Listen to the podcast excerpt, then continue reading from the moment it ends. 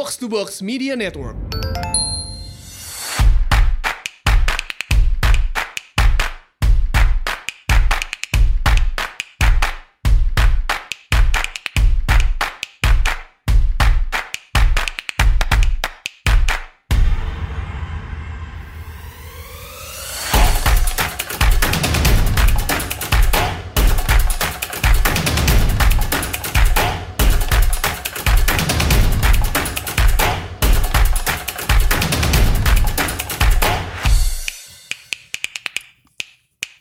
Selamat datang di Asumsi Bersuara dengan saya Rayastu dan kali ini kita kedatangan tamu yang sangat spesial um, Romo Franz Magnus Suseno, seorang rohaniwan juga pengajar di Sekolah Tinggi Filsafat Dria Karya benar Romo. Triakara. namanya. Dria Kara, Ya, sorry. Ya. Ya, um, dan kali ini kita um, menjadi hal yang menarik adalah uh, belakangan ini Romo Magnis menulis di Harian Kompas sebuah tulisan yang mendapat banyak uh, tanggapan lah ya, mendapat uh, banyak sekali orang yang membaca dan juga me- menanggapi tulisan tersebut berjudul Golput ya. Dan uh, di sini menjadi ramai karena di sini kan Romo me- me- apa menuliskan uh, ketidaksukaan Romo lah intinya terhadap orang-orang yang memutuskan dengan sengaja untuk golput gitu kan. Bukan yang bukan orang-orang yang nggak bisa memilih karena satu dan lain hal tapi yang memang memutuskan untuk tidak mau ikutan dalam proses pemilu 2019 ini um, Romo menyebutnya ada tiga nih. Kalau tidak memilih itu bisa karena kalau tidak memilih karena tidak ada calon yang cukup memuaskan maka bodoh. Jika tidak memilih karena nggak merasa perlu untuk memilih atau memilih mengerjakan hal lain yang lebih penting maka dia bermental benalu. Dan yang tidak memilih karena kecewa itu Romo sebut uh, psycho freak ya. Karena mengambil sikap atas dasar kekecewaan adalah tanda uh, mental yang lemah gitu. Mungkin ini kan banyak orang yang be- apa ya mem- menanggapi mungkin mengecam mungkin juga ada yang setuju. Bagaimana Romo um, apakah masih masih berpikir demikian? Maksudnya masih standby statement tersebut gitu? Jadi saya sendiri merasa bahwa kalimat itu terlalu keras. Harusnya Hmm. tidak di saya pakai, saya anggap suatu blunder, suatu kesalahan oke yang tentu tidak saya anggap kesalahan adalah kritik terhadap golput. oke Jadi itu juga bukan perasaan saya, saya memang berpendapat bahwa golput itu perlu dikritik Mhm. tapi tidak perlu menyebutkan nama-nama macam itu. Jadi Hmm. saya anggap itu bodoh dan mungkin juga menyinggung perasaan orang lain. Jadi ini suatu kesalahan. Tapi tentu golput sendiri saya merasa ada argumen kuat mengapa itu perlu dikritik. Oke, em, tapi bahwa bahwa ada tiga tiga jenis orang eh, yang perlu dikritik dalam arti karena merasa em, tidak bisa memilih di antara dua pilihan yang sama-sama buruk atau ke- em, kecewa dengan kedua calon yang ada misalnya atau em, satu lagi tadi em, ya tidak ada waktu misalnya tiga tiga tiga jenis alasan golput ini menurut Romo tetap te- tetap salah ya Saya cuma kira- kata-katanya aja yang Tidak ada waktu itu tentu tidak. Kalau Hmm. orang memang Iya, tidak betul. punya waktu, dia juga tidak waktu eh, tidak harus ikut. Mungkin ada Hmm. orang yang punya pekerjaan yang memang tidak bisa dilepaskan atau meng- eh, merawat orang Hmm. atau sebagainya. Tapi misalnya orang memakai hari libur pilihan itu untuk berlibur Hmm. daripada Iya. memilih. Jadi di situ saya pakai kata benalu Oke, yang mungkin juga tidak saya tarik kembali. oke, Itu bagi saya bukan suatu sikap yang dipertanggungjawabkan. oke, Yang lain itu tentu pertanyaannya ya mengapa orang golput dan apakah eh, bagaimana alasan-alasan itu.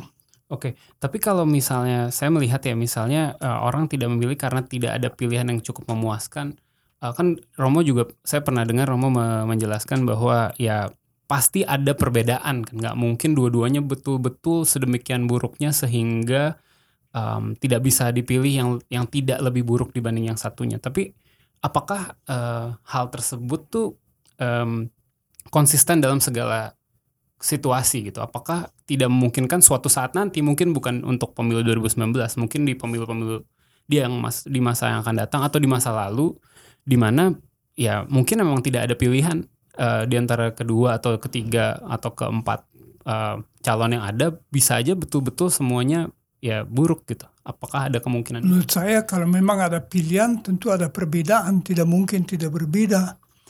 Uh, saya sendiri akan memilih dan saya tidak memberitahu siapa yang akan saya milih yang yeah. saya malah anggap lebih baik. Tapi kalau orang golput mengatakan dua-duanya buruk, saya bertanya apa benar mereka persis sama. Misalnya sekarang, pada tanggal 17 eh, April akan diputuskan apakah Indonesia selama lima tahun akan dipimpin lagi oleh Pak Jokowi atau dipimpin oleh Pak Prabowo. Hmm. Saya tidak bisa menerima bahwa orang menganggap sama saja. Okay. Mungkin orang tidak setuju dengan dua-duanya. Okay.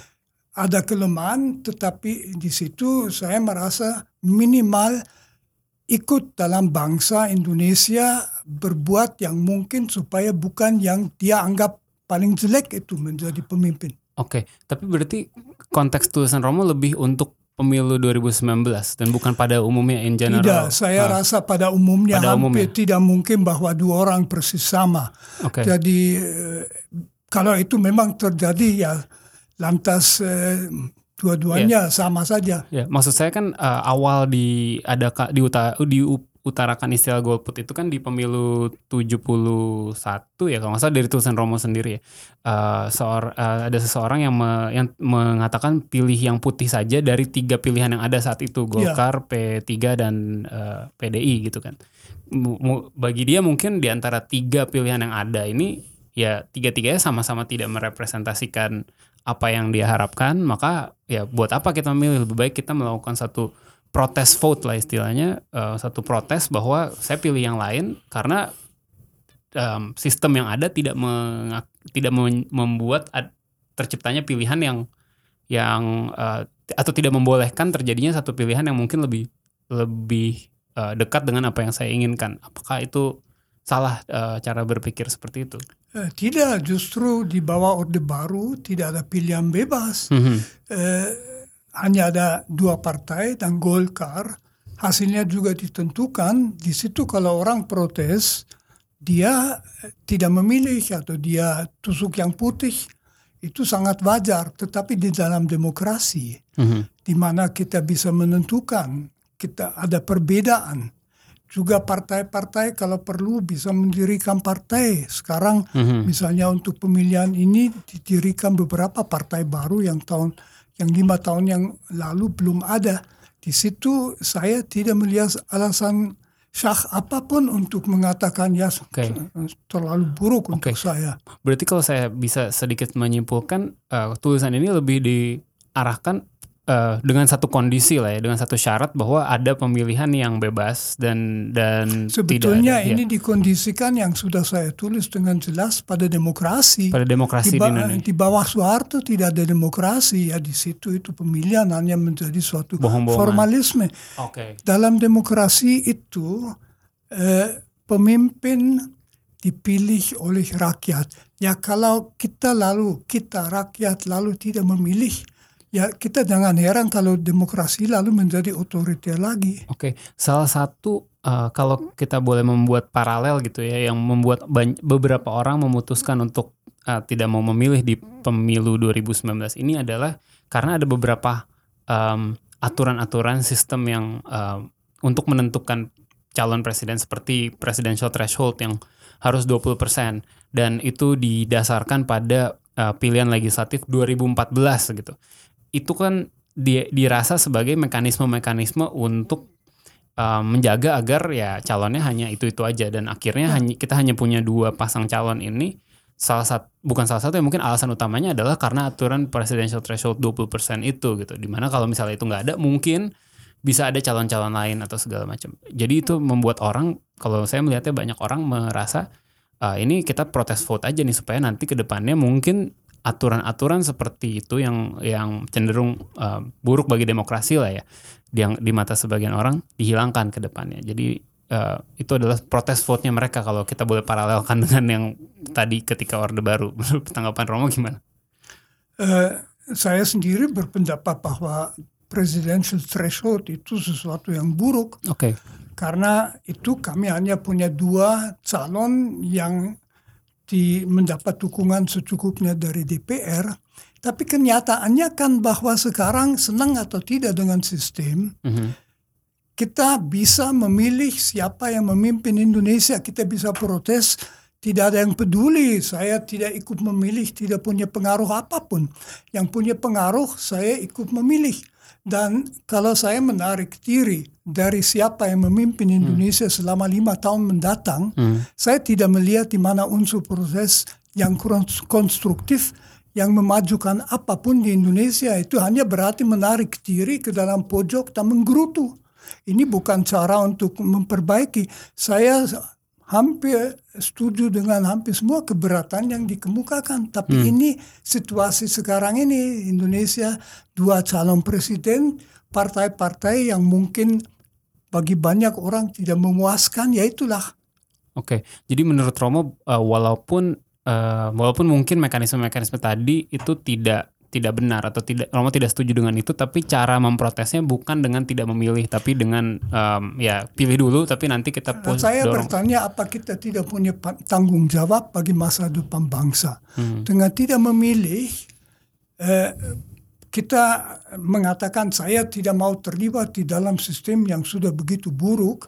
Jadi mungkin suatu Indonesia yang ideal, di, saya tidak mau mengotori tangan dengan ikut di dalam itu, tapi kemungkinan nyata untuk ikut menentukan dengan memilih salah satu partai yang meskipun mungkin tidak baik, tapi ya daripada partai lain masih lebih Oke. baik dan eh, dari dua calon itu tidak puas juga, Oke. tetapi ya kita milih itu cara untuk ikut bertanggung jawab atas masa depan bangsa. Oke, Em, banyak juga orang yang me- merasa begini Romo. Kita semua mungkin lebih senang kalau misalnya bukan lebih senang, mungkin lebih emang sangat lebih baik kalau misalnya semua orang akan akan memilih gitu. Tapi ap- bagaimana sih sebe- a- ap- yang ba- banyak juga mempertanyakan apakah cara yang paling tepat untuk membuat orang yang tadinya nggak memilih menjadi memilih? Apakah itu dengan me- men- mendemonize mereka gitu? Karena nggak cuma dari Romo Magnis kan ada banyak juga orang lain yang yang eh, apa me- mengecam perilaku golput segala macam. Tapi apakah itu akan efektif membuat mereka untuk akhirnya oke saatnya kita memilih dibanding dengan kita memberi burdennya lebih justru ke calon-calon yang bertanding kayak partai-partai calon-calon untuk bisa me- me- mempersuasi lah Nah orang-orang. ini agar- pertanyaan yang saya anggap masuk akal, tentu saja. Jadi secara psikologis itu eh, mungkin tidak membantu. Saya sendiri berpendapat bahwa ucapan saya tadi itu keliru. Seharusnya saya tidak mengatakan itu. Orang merasa terhina, tetapi saya merasa perlu mengkritik golput pada umumnya. Tidak semua yang akan- akan beraksi begini. Saya ada misalnya orang yang menulis kepada saya, eh, saya mempertimbangkan untuk memilih Jokowi. Hmm. Tetapi sesudah Anda menulis ini, saya memilih golput. Oke, mungkin untuk membuat saya sedih bahwa daripada mencegah golput malah menambah. Tapi saya bertanya tanggung jawab di mana? Apakah pemilihan itu adalah masalah perasaan Romo Magnis atau perasaan kita berbuat sesuatu bagi bangsa kita? Entah Romo Magnis itu A atau B. Hmm. Oke, Em, s- tingkat golput di Indonesia, Romo, kan sekarang itu ya memang jauh lebih tinggi dibanding masa Orde Baru ya, karena waktu Orde Baru kan pemilih betul-betul dimobilisasi gitu kan, pegawai negeri harus memilih segala macam. Sekarang itu di di 20-30 persenan gitu. Tapi ini sebetulnya masih jauh lebih rendah dibanding di Amerika misalnya. Eh, di Amerika itu ha- hanya sedikit lebih dari setengah orang yang yang memilih. Tapi juga di negara-negara lain ada kayak di Australia, di Brazil kalau tidak salah diwajibkan eh, memilih itu ti- tidak boleh tidak memilih gitu. Menurut Romo apa, apa kebijakan seperti itu per- diperlukan atau baik atau enggak tetap harus voluntary aja boleh ya boleh tidak tapi ini menjadi tanggung jawab Ini kan Orang gitu. bukan bukan kebijakan, itu suatu kenyataan. Menurut saya, tingkat peserta pemilu di Indonesia sampai sekarang masih sangat baik dengan ukuran internasional. Betul, menurut saya bahkan di Amerika kurang dari 50 persen. Itu sudah sesuatu yang gawat sekali. Jadi ini pertanyaan apakah Indonesia dinilai sudah tidak mau demokrasi karena hanya 70 persen yang milih Tidak. Hmm. 70% yang ikut memilih itu dibandingkan dengan yang internasional masih sangat bagus. Jadi eh, di situ kita mengharapkan bahwa itu berjalan bisa terus dipertahankan. Oke. Tentang ini Romo, sebenarnya saya punya satu pandangan. eh, jadi saya akan memilih pasti, sudah pasti saya akan memilih gitu. Saya nggak akan cerita juga siapa. Tapi eh, ada pandangan juga bahwa eh, memilih eh, dalam pemilu itu adalah hak warga negara. Kan. Kewajiban itu misalnya bayar pajak, misalnya mengikuti peraturan, misalnya eh, bela negara ketika dibutuhkan. Di in return kita dapat hak warga negara yaitu memilih gitu kan. Dan hak itu kan kalau saya melihatnya boleh digunakan boleh tidak gitu. Kita kita punya hak untuk mendapatkan fasilitas, eh, kita punya hak untuk memilih calon presiden dalam satu demokrasi. Tapi kalau saya melihatnya itu satu eh, hak itu boleh di boleh diklaim boleh tidak. Dan dua kalau saya justru melihatnya kalau orang yang mungkin tidak punya waktu bukan untuk memilih tapi untuk me- untuk melihat opsi-opsi yang ada, untuk melihat isu-isu yang ada, mengerti apa yang at stake gitu dia nggak ada waktu untuk itu dan akhirnya dia ignorant atau tidak tahu isu-isu yang ada, bukankah jauh lebih baik kalau dia tidak ikutan memilih?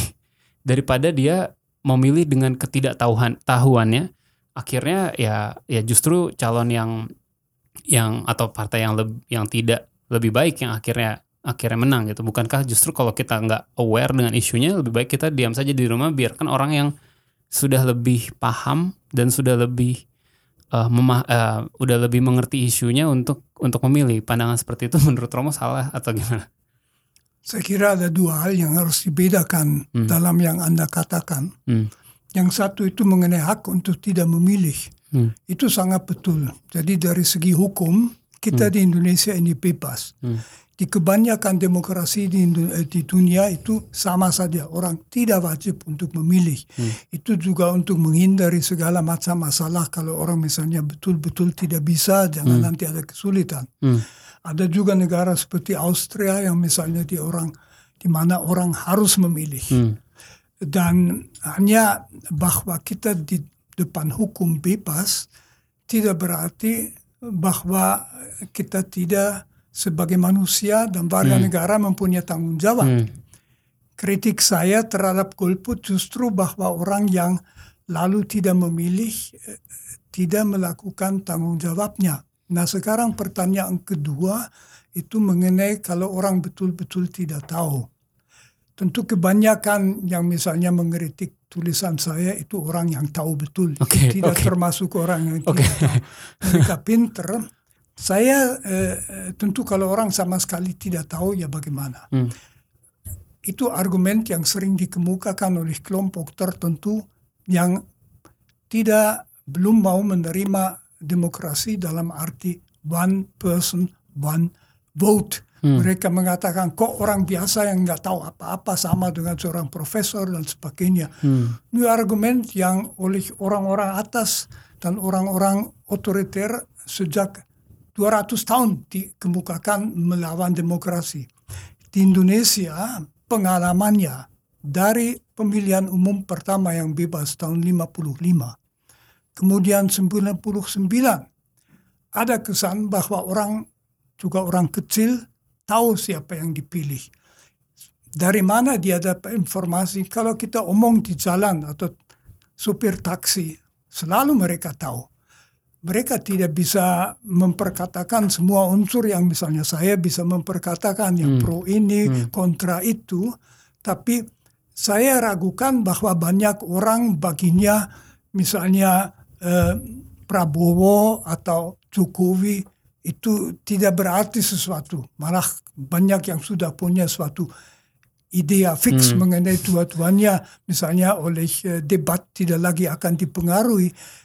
Mengenai partai mungkin lebih sulit juga. Tetapi saya merasa kasus ini tidak teramat eh, Tidak banyak. banyak, tapi Oke. kalau memang orang sama sekali tidak tahu, saya juga tidak akan mengatakan harus memilih ya. Oke, mungkin justru dipertanyakan kenapa dia bisa sampai tidak tahu gitu ya. Oke, em, mungkin tentang tentang tulisan Romo eh, ini udah sampai sini ya saya udah udah bertanya cukup dalam tentang berbagai hal. Mungkin saya lebih pengen tahu nih ya Romo Magnis Suseno udah di Indonesia dari tahun 1961 betul. Jadi udah hampir hampir 60 tahun gitu um, tinggal di Indonesia. Uh, apa mayoritas hidup Romo ada di Indonesia segala macam dan sudah melewati dari masa orde lama, masa orde baru, orde reformasi hingga sekarang gitu. Pemilu yang adil, pemilu yang tidak segala macam. Dan uh, apa posisi Romo juga unik karena um, datang sebagai orang luar dari dari Jerman ya Rom. Dan masuk dan melihat dari luar dan akhirnya bisa tinggal di sini demikian lama. Jadi pasti punya perspektif yang kebanyakan orang Indonesia mungkin tidak tidak alami juga gitu bagaimana Romo melihatnya dari dari dulu hingga sekarang ini um, proses demokrasi kita lebih baik, lebih buruk, um, atau ada, ada hal yang kita perlu tahu yang kebanyakan dari kita nggak tahu berdasarkan pengalaman Romo. Saya melihat bahwa di Indonesia sejak sebelum proklamasi kemerdekaan di satu pihak sudah ada keinginan kuat bahwa Indonesia menjadi negara milik rakyat, mm-hmm. katakan saja demokrasi. Tetapi tentang demokrasi ada perbedaan. Tahun 20-an sudah ada perbedaan antara Bung Karno dan Hatta. Yeah. Bung Karno yang mengatakan kami harus bertolak dari eh, demokrasi yang ada di desa, rembuk desa, mm. jangan dari demokrasi di barat Hatta mengatakan itu tidak mungkin rembuk desa memberi semangat tetapi tidak suatu model di tingkat kenegaraan. Hmm. Dan lalu kita melihat di Undang-Undang Dasar 45 unsur demokratis itu sangat lemah tetapi hanya dua bulan kemudian dalam eh, dekret wakil presiden eh, bulan November tahun 45 dimungkinkan partai politik dan sebagainya jadi ke arah demokrasi.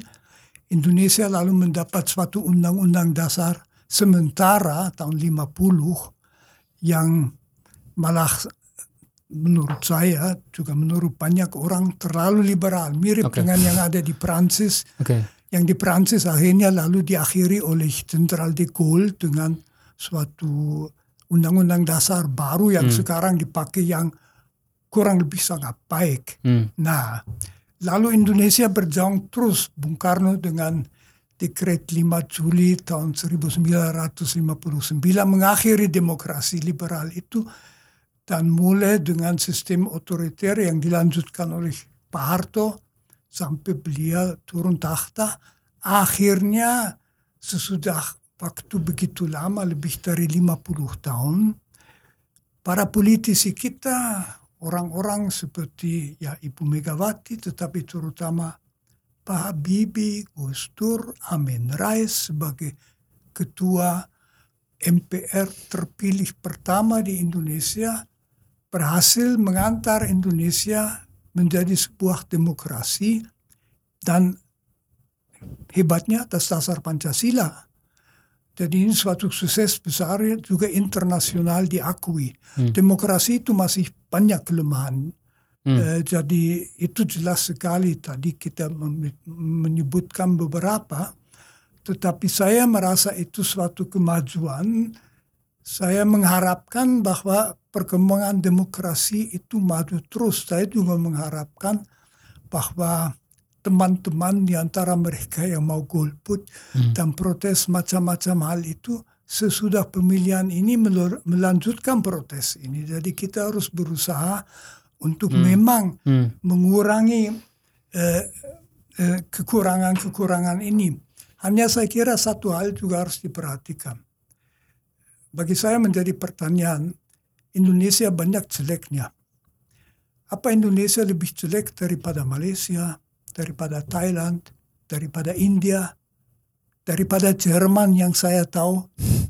Tergantung Kita kan jangan menuntut sesuatu hmm. yang idealis di Indonesia itu tidak di bulan. Yeah. Itu ada di sini. Yeah. Kita harus di dalam Indonesia yang banyak tidak perfect, malah buruk, masih ada yang korup. Itu pada garis besar saya melihat suatu kemajuan. dalam 70 berapa tiga tahun kemerdekaan Indonesia ada naik turun pasang surut tapi garis garisnya naik. Oke. Okay.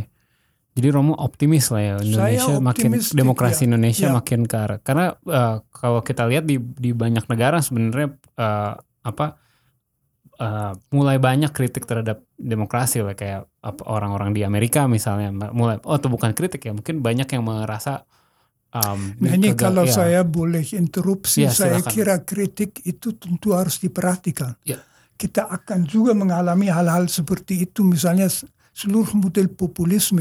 Hmm. Lalu bagaimana dengan uh, eh, AI artificial intelligence nanti di mana kita dimanipulasi dan hmm. sebagainya jadi demokrasi belum selamat dan bukan hanya karena karena faktor Indonesia uh, tidak ada alasan untuk uh, sudah merasa sudah itu tercapai misalnya pandangan Fukuyama hmm bahwa demokrasi itu the end of history, hmm. dia kan mau, sebetulnya mau mengatakan itu akhirnya logis sesudah segala macam kediktatoran. Saya khawatir itu belum the end of history. Jadi kita masih harus waspada. Betul sekali optimisme saya bukan oke okay, semuanya akan baik-baik. Hmm. Masih banyak uh, tantangan. Karena kan maksud saya lebih banyak banyak juga orang yang mengkhawat, yang mengkhawatirkan um, di gerakan populisme uh, melalui demokrasi itu banyak banyak udah mulai terjadi di Amerika misalnya di Inggris misalnya. Di Inggris misalnya. Dan dan, dan kalau kita melihat sejarah um, bahkan di Jerman uh, dulu ya terpilihnya Adolf Hitler ter, dan dijadikannya dia sebagai um, apa um, pemimpin uh, dan menghilangkan konstitusi yang lama segala macam itu semua juga proses demokrasi gitu. Jadi um, ada ada Meskipun kekhawatiran itu gitu. kan kasus Hitler eh, sedikit berbeda mengapa yeah, yeah. karena waktu dia dipilih waktu pilihan terakhir yang bebas mm -hmm. bulan Januari tahun 33 dia hanya dapat 33 persen okay. Tetapi karena presiden dan juga katakan saja golongan kanan pada umumnya merasa ya kalau begitu coba dia saja dan tidak menyadari orang apa itu ya berhasil. Sebetulnya okay. dia tidak menang. Tidak pernah dapat 40 persen. Oh, Oke. Okay. 33 persen. Yeah. Tapi dia brutal begitu dia, dia kuasai polisi habislah yeah, dan yeah, lain-lain. Ya ya ya. Ya maksudnya um, uh, kekhawatirannya kan itu yeah. uh, ada orang-orang yang uh, menawarkan ide-ide populis yang penting uh, populer di kalangan um, yang cukup banyak betul. sehingga akhirnya bisa menggunakan demokrasi untuk mencapai outcome yang mungkin tidak betul, demokratik gitu. Betul. Itu sangat mungkin. Oke, okay, oke. Okay.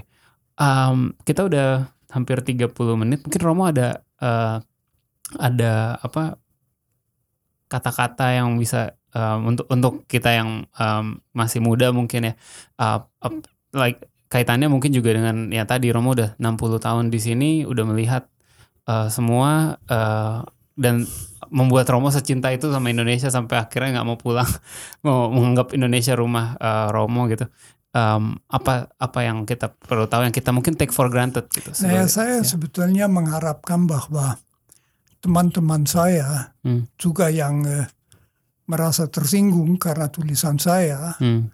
mereka merasa bekah dengan sistem Indonesia uh, bahwa mereka membawa cita-cita mereka ke dalam kehidupan politik kita. Jangan mereka abstain pada umumnya hmm. dari nasib bangsa. Hmm.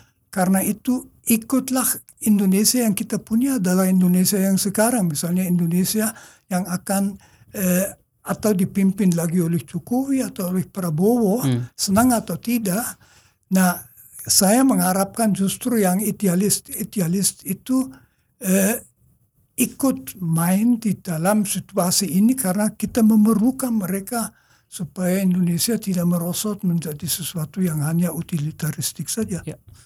Oke, um, terima kasih banyak uh, Romo Magnis uh, waktunya udah menyempatkan diri hadir di studio kita Baik. buat berdiskusi. Um, sa sampai jumpa lagi hari Selasa depan. Uh, moga-moga uh, kalian yang dengerin um, mendapat sesuatu lah dari dari obrolan ini dan mendapat uh, banyak pencerahan juga. Jangan lupa memilih pemilu tinggal tiga minggu lagi. ya tiga minggu dua minggu lagi. Ya tinggal sebentar 17 April 2019 jangan lupa memilih pastikan udah tahu mau pilih siapa pelajari dulu isunya jangan memilih dari ketidaktahuan dan sebagainya.